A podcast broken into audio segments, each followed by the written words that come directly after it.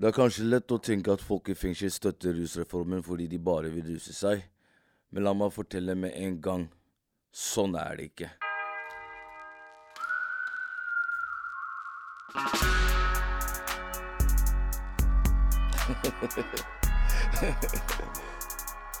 ok. Du hører på Røverradioen. Norsk fengselsradio.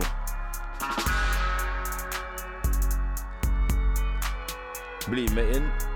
I dag starter vi i Oslo fengsel.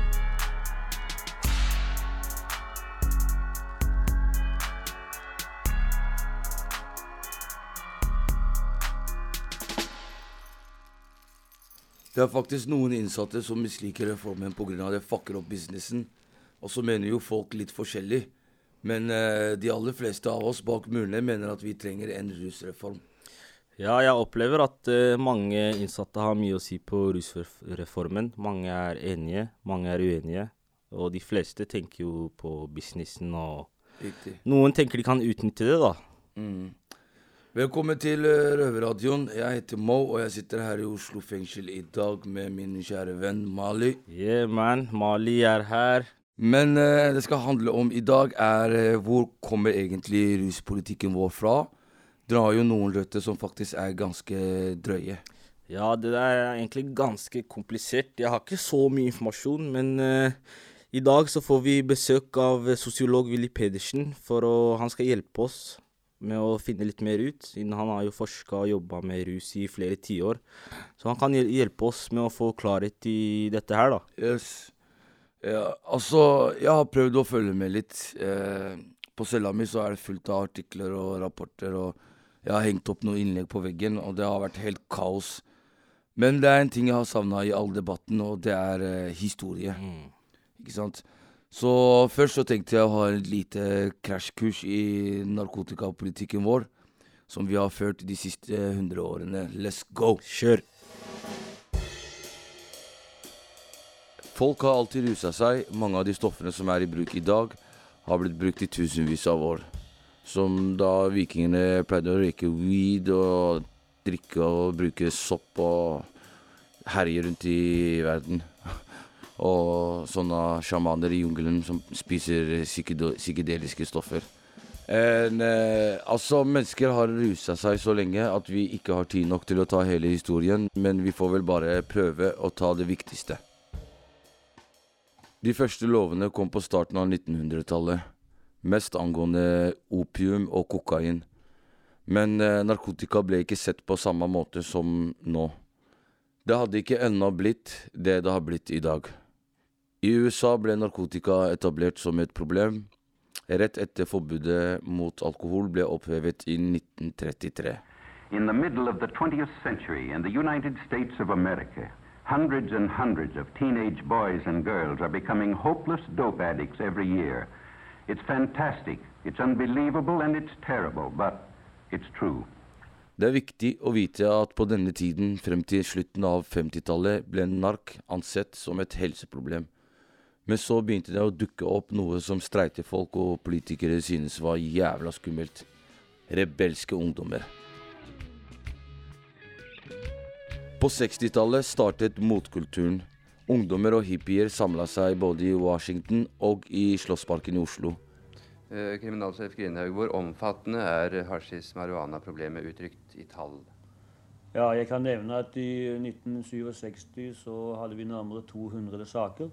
Og i disse sakene så ble det pågrepet eller arrestert eh, 114 personer.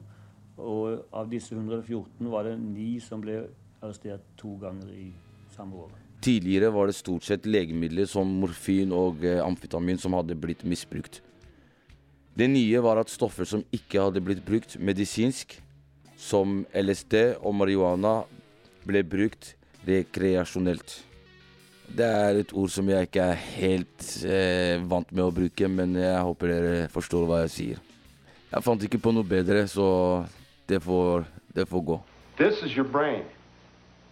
This is drugs.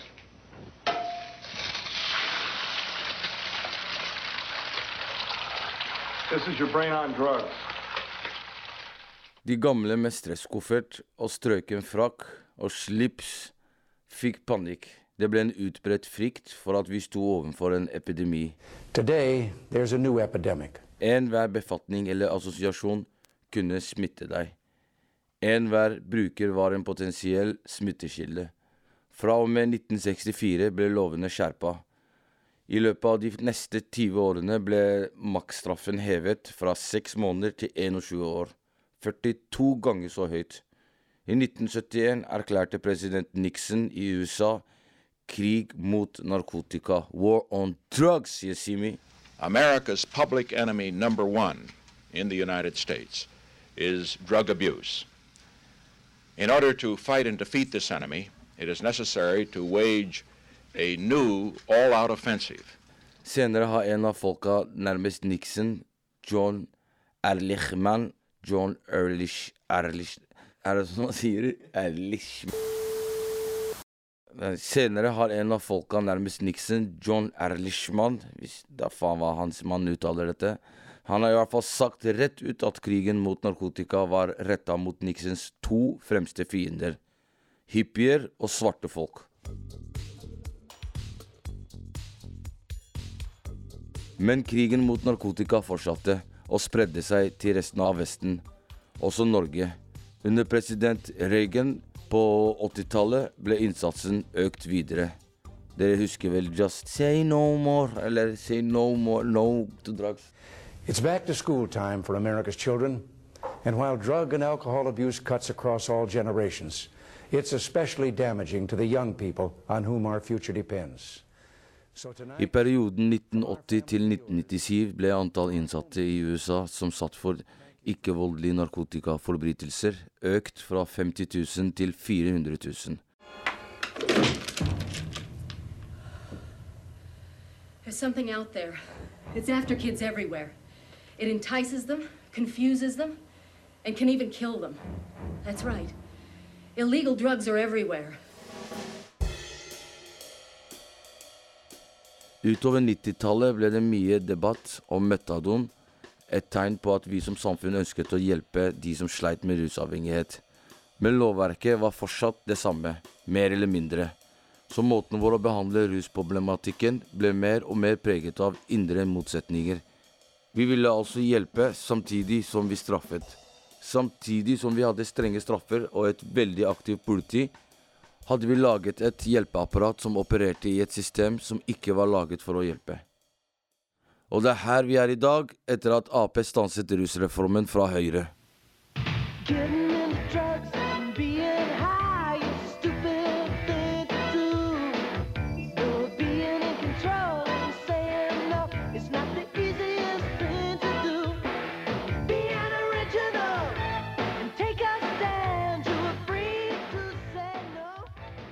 Velkommen inn hit til oss, rusforsker og sosiolog Willy Pedersen. Tusen takk. Ja, du har jo vært eh, hos oss før. Hvordan er det å være tilbake her på Røverradioen? Det var hyggelig å komme tilbake her, men jeg syns det var litt strengere sikkerhetstiltak enn jeg syns jeg huska fra forrige gang. Men det er mulig at jeg bare har glemt det. Ja, det er jo høysikkerhetsfengsel, så de er jo ganske strenge, da. Men- Stemmer nok det, altså. Du, hva tenker du om eh, det vi hørte? Glemte jeg å ta med noe? Du, altså Jeg er helt enig i den oppsummeringen. Jeg syns den var veldig god. Og det du peker på, er jo at på 60-70-tallet så ble det en slags krig mot narkotika som hadde enorme konsekvenser. I USA så gikk eh, strafferammene i taket, og også fangetallene i taket. Riktig. Og noe av det samme har skjedd i Norge. Hvis jeg skulle supplere litt, så vil jeg kanskje si at uh, man begynte på en måte Du antyder jo, men man begynte å gjøre det liksom litt mer orientert mot å redusere eh, strafferammene. Uh, hjelpe folk mer. Det var ikke bare hard knyttneve, men det var også et forsøk på å introdusere sprøyterom, uh, få sprøyteutdeling, mm.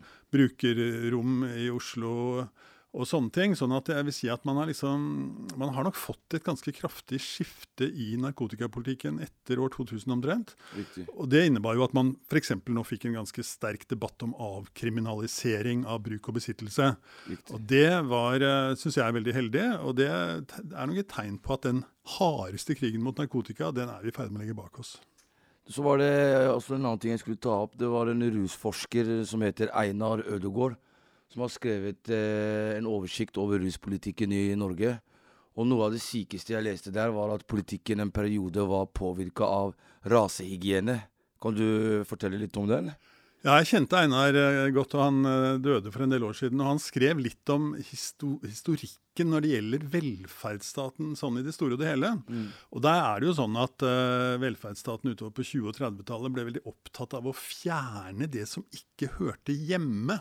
Og det var altså f.eks. Uh, tatere, det var eh, folk som eh, levde på en sånn måte man ikke likte. Etter hvert var også veldig skepsis til homofili, f.eks. Og man tenkte at dette var litt knyttet til at noen var født med dårlige gener. Altså at, øh, og det var klart at det var også stor skepsis mot svarte, f.eks. Og i denne pakka av folk som ikke hørte hjemme, så plasserte noen nok også rusbrukere, og tenkte at de hadde kom fra dårlige familier, foreldrene hadde hatt rusproblemer og sånne ting. Og man prøvde liksom å liksom gjøre noe med disse kapslede minnene, fjerne dem fra samfunnet. og noen ble jo til og med sterilisert. Altså Taterfamilie ble sterilisert. Eh, romfolk eh, skjedde noe av det samme med. Wow. Så, så dette var en eh, røff tid. Og det er jo et ekko av det vi så i Tyskland på denne tiden, med nazismen, som da hadde satt dette veldig i system, hvor også jødene ble eh, forsøkt utrenset. Riktig. Ja, tidligere så nevnte jo Mo Nixon og Reagan i stad. I i hvor stor grad har USA hatt Eller hvor stor grad har de påvirket ruspolitikken her i Norge? I veldig høy grad. Fordi det som er interessant, var jo at man fjernet løsgjengerloven sånn tidlig på eh, 70-tallet. Og det var en lov som da ble rettet mot eh, alkoholmisbrukere, som da kunne bli sendt på tvangsarbeid fordi de ikke klarte å betale bøtene sine. Men samtidig så fikk vi altså inn denne knallharde narkolovgivningen. Som innebar altså Jeg er jo en gammel mann, så jeg hadde mange kompiser som røyka en god del hasj og sånne ting. Og noen av dem ble jo kasta på glattcelle bare for å ha røykt hasj. ja. Og du kunne sitte inne i to-tre uker Mm. bare for bruk og besittelse av cannabis. Yes. Når var dette her, da? Dette er sånn tidlig på 70-tall. Um, og da var denne politikken i ferd med å utvikle seg i veldig eh, hard, eh, restriktiv retning. Og eh, som du pekte på, så økte jo strafferammene kraftig. Så mens dette var eh, sett på som helseproblemer og sånn tidlig på 60-tallet, da fikk vi den første narkoklinikken i Norge, Statens klinikk for narkomane på Håviland. Og den var mye rettet inn for leger og kvinner som hadde begynt å spise litt mye piller og sånne ting. Men så kom jo disse ungdommene som du beskriver, med langt hår i Slottsparken, og hang rundt og spilte Bob Dylan og koste seg og satt med en chillum der. Og det var selvfølgelig mye mer provoserende. Ja, ikke sant? Eh, Så det var denne gruppa som da gjorde at virkelig samfunnet ble veldig redde. da. Og så trodde man, som du pekte på, at eh, det var en sånn smitteteori, akkurat som du kunne smitte folk med tuberkulose eller kopper eller pest og sånne ting. Så kunne hver hasjbruker liksom smitte to nye, og så var plutselig halve Norge smittet. så, Såpass, så det var liksom var greia her, at man hadde en sånn ganske hysterisk redsel for at dette skulle spre seg Riktig. og dra med seg alle norske ungdommer. Såpass, ja.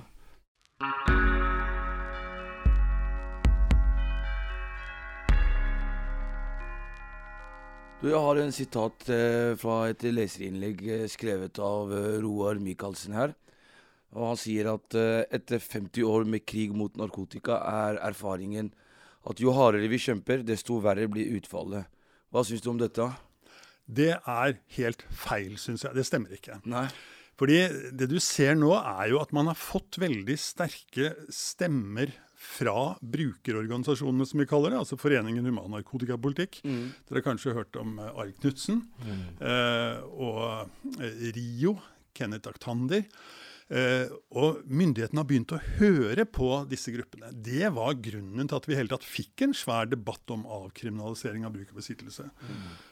og nå har jo da eh, stadig eh, Vi har kommet til kanskje komme tilbake til det, men domstolene begynner nå å straffe ikke fullt så hardt.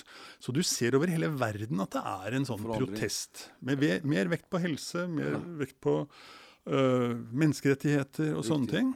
Så jeg syns at han tar feil, og jeg syns vi skal hilse dette velkommen. altså At det er mye bedre måter å forholde seg til eh, folk som har rusproblemer nå, enn det var bare for fem og ti år siden. Og det skyldes veldig mye at vi har begynt å høre på Mm. folk som har vært der og kjent hvor skoen trykket. Riktig. Og jeg vil særlig kanskje løfte fra Mariel Knutsen, vet ikke om dere hørte om han. Veldig fin fyr. Mm. Som har hatt masse problemer sjøl, men som nå virkelig ble en slags bestevenn med den forrige helseministeren vår, Bent Høie. Og, og Bent Høie sa jo på en veldig sånn eh, viktig konferanse i eh, utlandet Masse folk til stede. eh, Så sa han eh, Arild Knutsen had right, I had wrong. Og det var Arild altså veldig stolt over. Så, så han har spilt veldig stor rolle her, vil jeg si. Så det er forandring. Store Det stemmer. forandringer. Stemmer. Du, så lurer jeg på hvorfor valgte vi egentlig å bruke straff for å få folk til å ikke ruse seg? Altså, funker det, eller? Nei, jeg, jeg syns det funker veldig dårlig. Det er klart at eh, generelle normer mot rusbruk og sånn er jo bra at folk har, men at det skal liksom forfølges av et straffebud det, det, det er jo nå gjort en god del studier, og denne store rusreformutvalgets innstilling som kom for en par år siden, den har jo gått gjennom erfaringene når du slutter å straffe, altså når du avkriminaliserer. Eh, og det er lite som tyder på at dette øker forbruket. Så, så jeg mener at sånn kort sagt så er det et stort feilgrep som vi dessverre har holdt på med i 50-60 år. Og jeg håper nå at vi er i ferd med å justere det. Vi er jo opplagt i ferd med å justere det for tunge rusbrukere, men jeg tror også for vanlige Ja. ungdommer som tar, en, tar seg en joint og sånn, så, så er det ikke risikoen for at politiet skal komme som gjør at de lar være å gjøre det. Det er ikke sant. Jeg tenker jo selv at uh, man kan jo prøve å begynne med straff for å liksom avskrekke folk fra å gjøre det, men når det fortsetter og fortsetter og ingen liksom tenker på straffen, da burde de gå over til hjelp, da. Ja, altså det Rusreformutvalget som kom med Mm. denne innstillingen, de sier jo at du skal få ungdommene til en sånn kommunal rådgivningsenhet. Mm. Og der skal de snakke med dem, og sånn, men da er det ikke liksom politiet som skal ta Akkurat. hånd om dette, men, Mm. men folk som har greie på hvordan du snakker med ungdom, og kanskje finner ut om det var noe gærent i familien, og prøver å Hvorfor finne litt her- ut av ja. hva som foregår. Mm. Men da løftes liksom ut av politistasjonen, ut av strafferettssystemet, ut av rettssalen og inn i et mye mykere system. Og det tror jeg er mye bedre enn Mm. det eh, man har trodd i Norge i veldig mange år. da. Det har blitt strengere og strengere, helt til vi i 1984 gjorde maksstraffen for narkotika til 21 års fengsel. Er vi i ferd med å snu? Altså Jeg syns vi er det, som jeg har antydet allerede. Så syns jeg at uh, politikere begynner nå å skjønne at i hvert fall folk som har alvorlige rusproblemer, de har, er det ingen grunn til å inn, sende inn i rettsapparatet. Det mener egentlig så å si alle norske politikere. Men uh, jeg og mange med meg mener jo at det heller ikke er noen grunn til å ta en ungdom eh, i sånn tiende klasse som har røyka litt Og hasj inn i det systemet. Men det er det litt mer uenighet om. Eh, Så her eh, gjelder det å finne ut hvilke partier du syns har Mm. en fornuftig politikk på dette feltet, og stemme ved dem neste gang, syns Men jeg. hvordan, hvordan siler man dem ut, liksom? Hvem er en rusmisbruker, og hvem er ikke, liksom? Det, er, det også er en problemstilling som eh, de har, da. Ja, Det er klart at det er jo Mm. helt umulig. Altså Selv har jeg jo forsket på dette i veldig mange år. Mm. Hvis jeg kommer inn i en russebuss og der jeg ser at det er 15 ungdommer som har hatt av seg en joint, Mm. så skal jeg finne ut hvilke av de to ungdommene er det som har Mm, et mm. rusproblem, og hvilke 13 er det som ikke har det. Det. Det vil selvfølgelig ikke en politimann eh, eller -kvinne på gata klare. altså. Så det mener jeg er så et praktisk stort problem med den reformen som noen av partiene ønsker. Særlig, særlig Senterpartiet og Arbeiderpartiet har jo endt ned på det. Ja. som jeg var veldig, Særlig Arbeiderpartiet var jeg veldig skuffet over at Mm. endte ned der. altså. Ja, ja. Noe som tyder på at vi ønsker å hjelpe fremfor å straffe, er at det nå er et nytt og ganske hva skal man si, radikalt prosjekt på Ullevål sykehus. Vi har sendt en reporter for å sjekke det ut.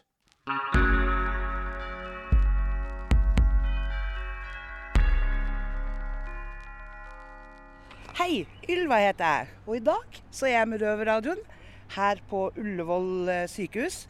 Så nå skal vi puske oss inn. Velkommen til oss. Takk. Ja, vi tar hverandre i hånden. Ja, det? Ylva. Camilla. Jeg heter Camilla Birkvold og jobber da i avdeling rusavhengighetsbehandling ved Oslo universitetssykehus. I en seksjon som heter seksjon ruspoliklinikker. Og er da enhetsleder for dette prøveprosjektet med heroinassistert behandling som er lagt i den seksjonen ved OS. Eh, hva som er nytt eh, med dette prosjektet? Altså, det, vi vet jo at det, det finnes noe som heter LAR og alt mulig sånn.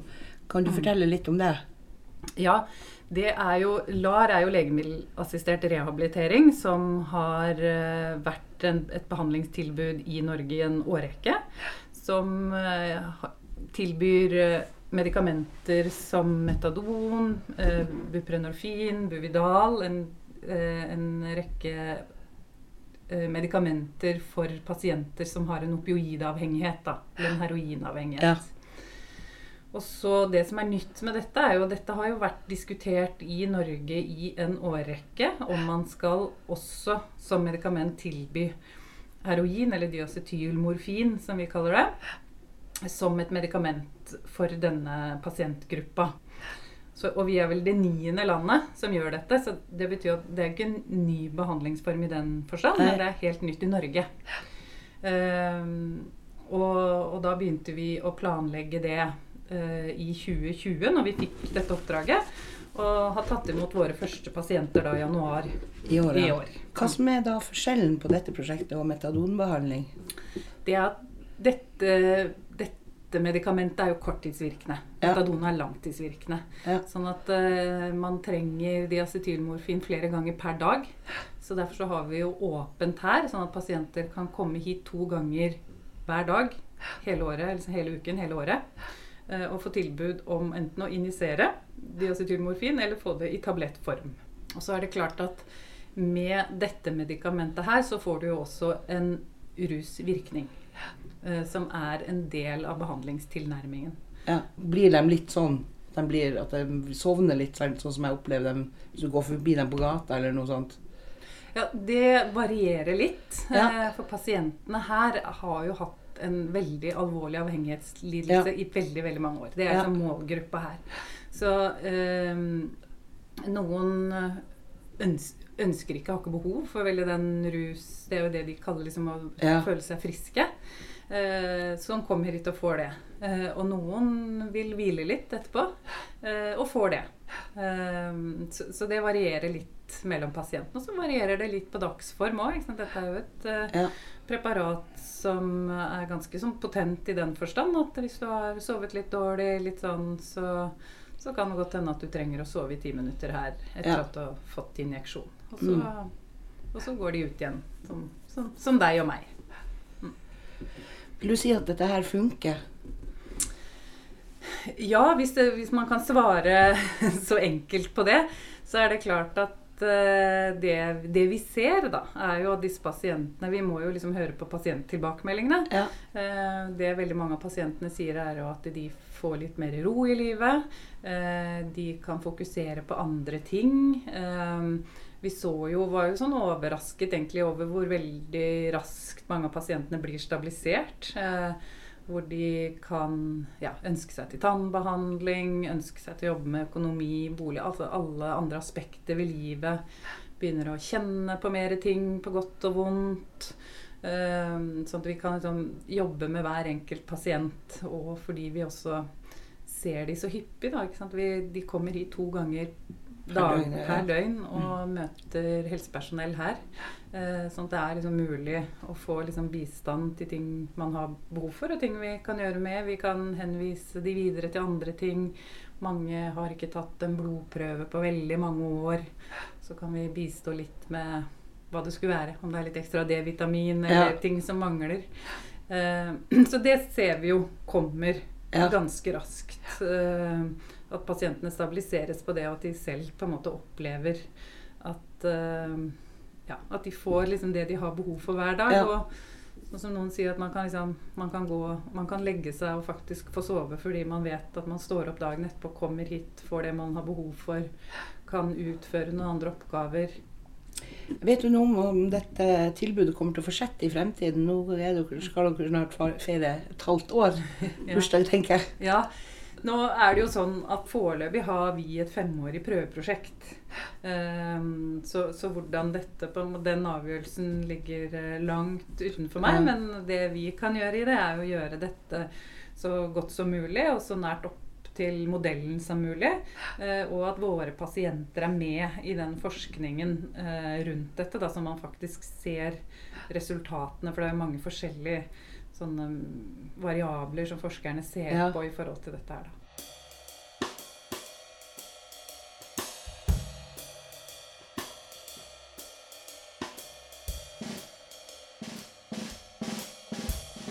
Hva tenker du om det du hørte nå?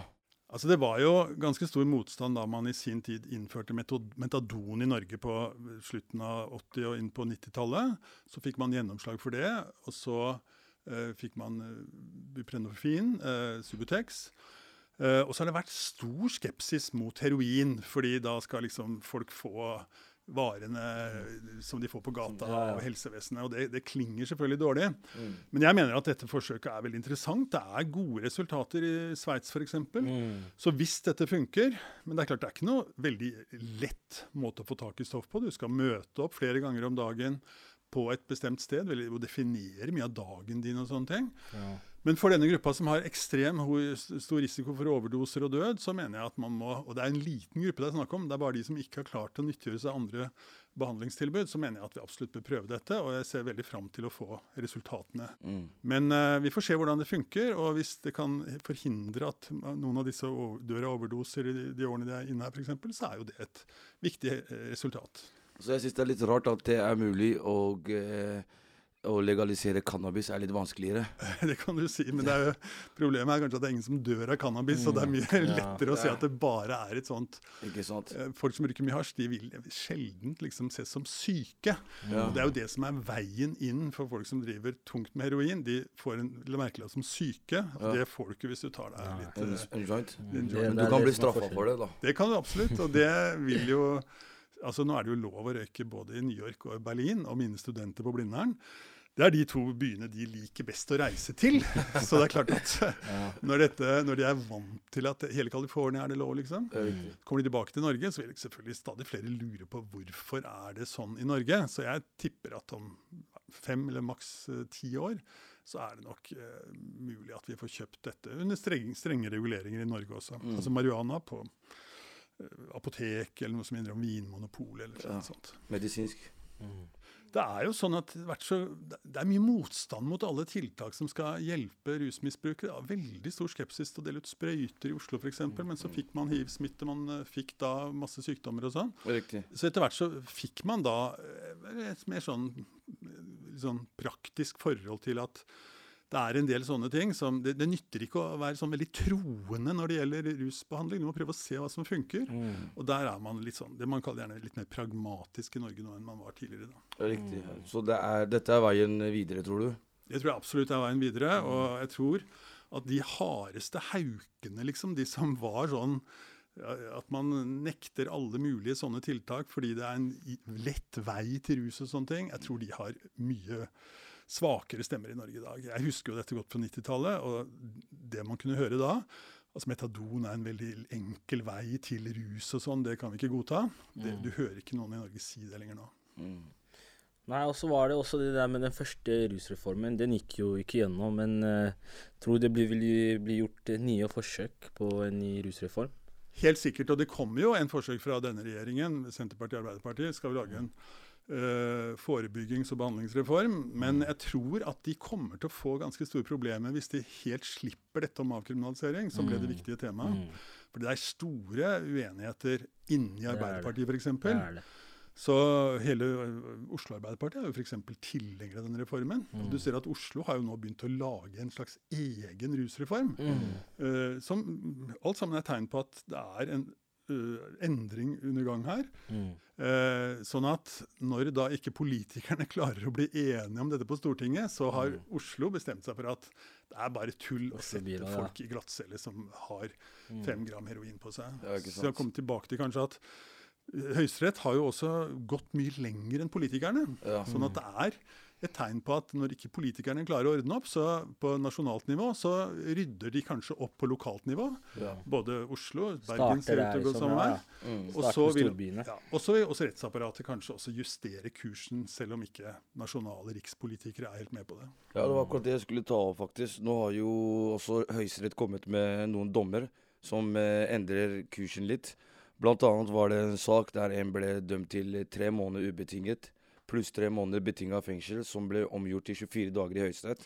Altså Jeg var faktisk i Høyesterett da dette ble behandlet. Det var masse folk der. mange Uh, altså Folk i brukerorganisasjonene var der, forskere var der, journalister var der. Og det var jo en veldig stor uh, begivenhet. fordi her var det jo sånn at påtalemyndigheten, altså Riksadvokaten, han som er, har hovedansvaret for mm. liksom, eh, altså myndighetenes håndhevelse av rettsapparatet, han sa jo at vi går inn for det han kalte straffeutmålingsfrafall, som er en slags påtaleunderlatelse.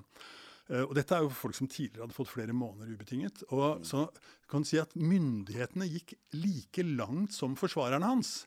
Så det var en veldig stor uh, situasjon, altså hvor veldig mange følte at OK, nå skjer det noen store endringer her. Og det kule er jo da at både Riksadvokaten og dommerne i Høyesterett går lenger enn norske politikere i Arbeiderpartiet f.eks. Og det er jo bra. Veldig bra. Yes, Helt til slutt, tenker du at eh, fremtiden for folk som sliter med rus, begynner å se litt lysere ut nå? Ja, jeg syns i hvert fall uh, mange Mer tegn fokus på det, liksom? Ja, jeg tror liksom at det, det er mange flere måter å hjelpe folk på. Mm. Man har skjønt at den der harde narkotikapolitikken hvor det primært er politi, rettsapparat, fengsler og sånn Mm. som skulle rydde opp, at den ikke funker. Det er ikke noe som tyder på det. Så jeg tenker at vi er i en uh, ganske god strøm nå. Jeg har jo forsket på disse tingene her i 30 år omtrent, og jeg, syns at vi aldri jeg har blitt overrasket over at det gikk i den retningen for noen år siden. altså. Det startet jo med at Portugal avkriminaliserte i 2001, altså for 20 år siden. Og så har det utviklet seg derfra til også å få gjennomslag i Norge. Men jeg vil altså si at eh, sånn som Arild Knutsen og Kenneth Aktander, kjente bruker og brukerrepresentanter, de har vært ekstremt flinke. De har fått organisasjoner rundt seg. Og de har klart å bidra til å sette brukerstemmene på dagsordenen. Altså, I gamle dager så var det ingen som ville høre på en junkie nede på plata, liksom. Så han var jo ikke regna med i det hele tatt. Så det at disse fikk stemmer, at de kom i Dagsrevyen, at de fikk eh, politikere Sagt, ja, til å høre på seg, ble med på konferanser og sånn, det tror jeg har vært veldig viktig. altså. For de, de visste hvor eh, skoene trykket, og kunne fortelle historier som mange ble eh, lyttere til. Riktig. Du, jeg ser at du sa i stad du hadde litt dårlig tid, så jeg kan bare si at tusen takk for besøket. Rusforsker og sosiolog Willy Pedersen. Tusen takk. Veldig hyggelig å være her i dag igjen. Takk skal du ha.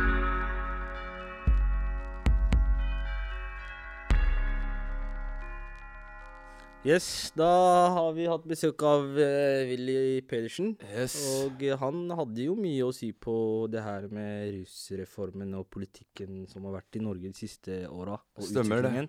Hva syns du om uh, de innspillene han hadde? Jeg syns det var godt å få et annet perspektiv. Spesielt fra en kar som Hva var han ikke en professor i tillegg? Jo, han jobber i universitetet, og så er han sosiolog, og han har drevet en del med ruspolitikken. Så det var de siste 20-30 åra Ja, han stemmer eh, jobba med det. Og jeg syns også at eh, det der, i hvert fall det der med Ullevål sykehus, det nye prøveprosjektet, var eh, Syns jeg var litt spesielt, men han syns at det var en bra ting, og han har jo mer erfaring enn oss når det gjelder det, så jeg tenker kanskje at det kan være noe bra, da. Hva tenker du? Altså, jeg, jeg vet ikke helt, ass. Jeg, jeg, jeg er ikke helt enig med de greiene der. Mm.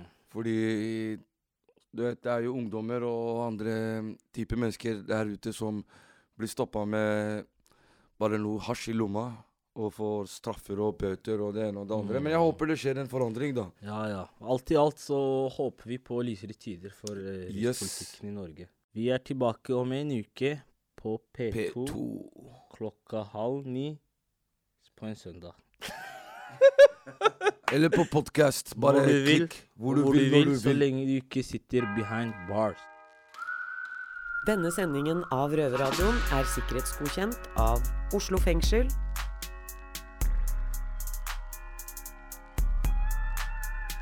Musikken er laget av Trond Kallevåg.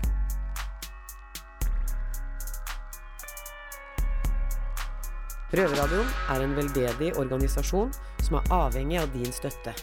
Følg oss på Instagram, Facebook, Twitter eller gå til røverhuset.no og finn ut hvordan du kan støtte Røverradioen.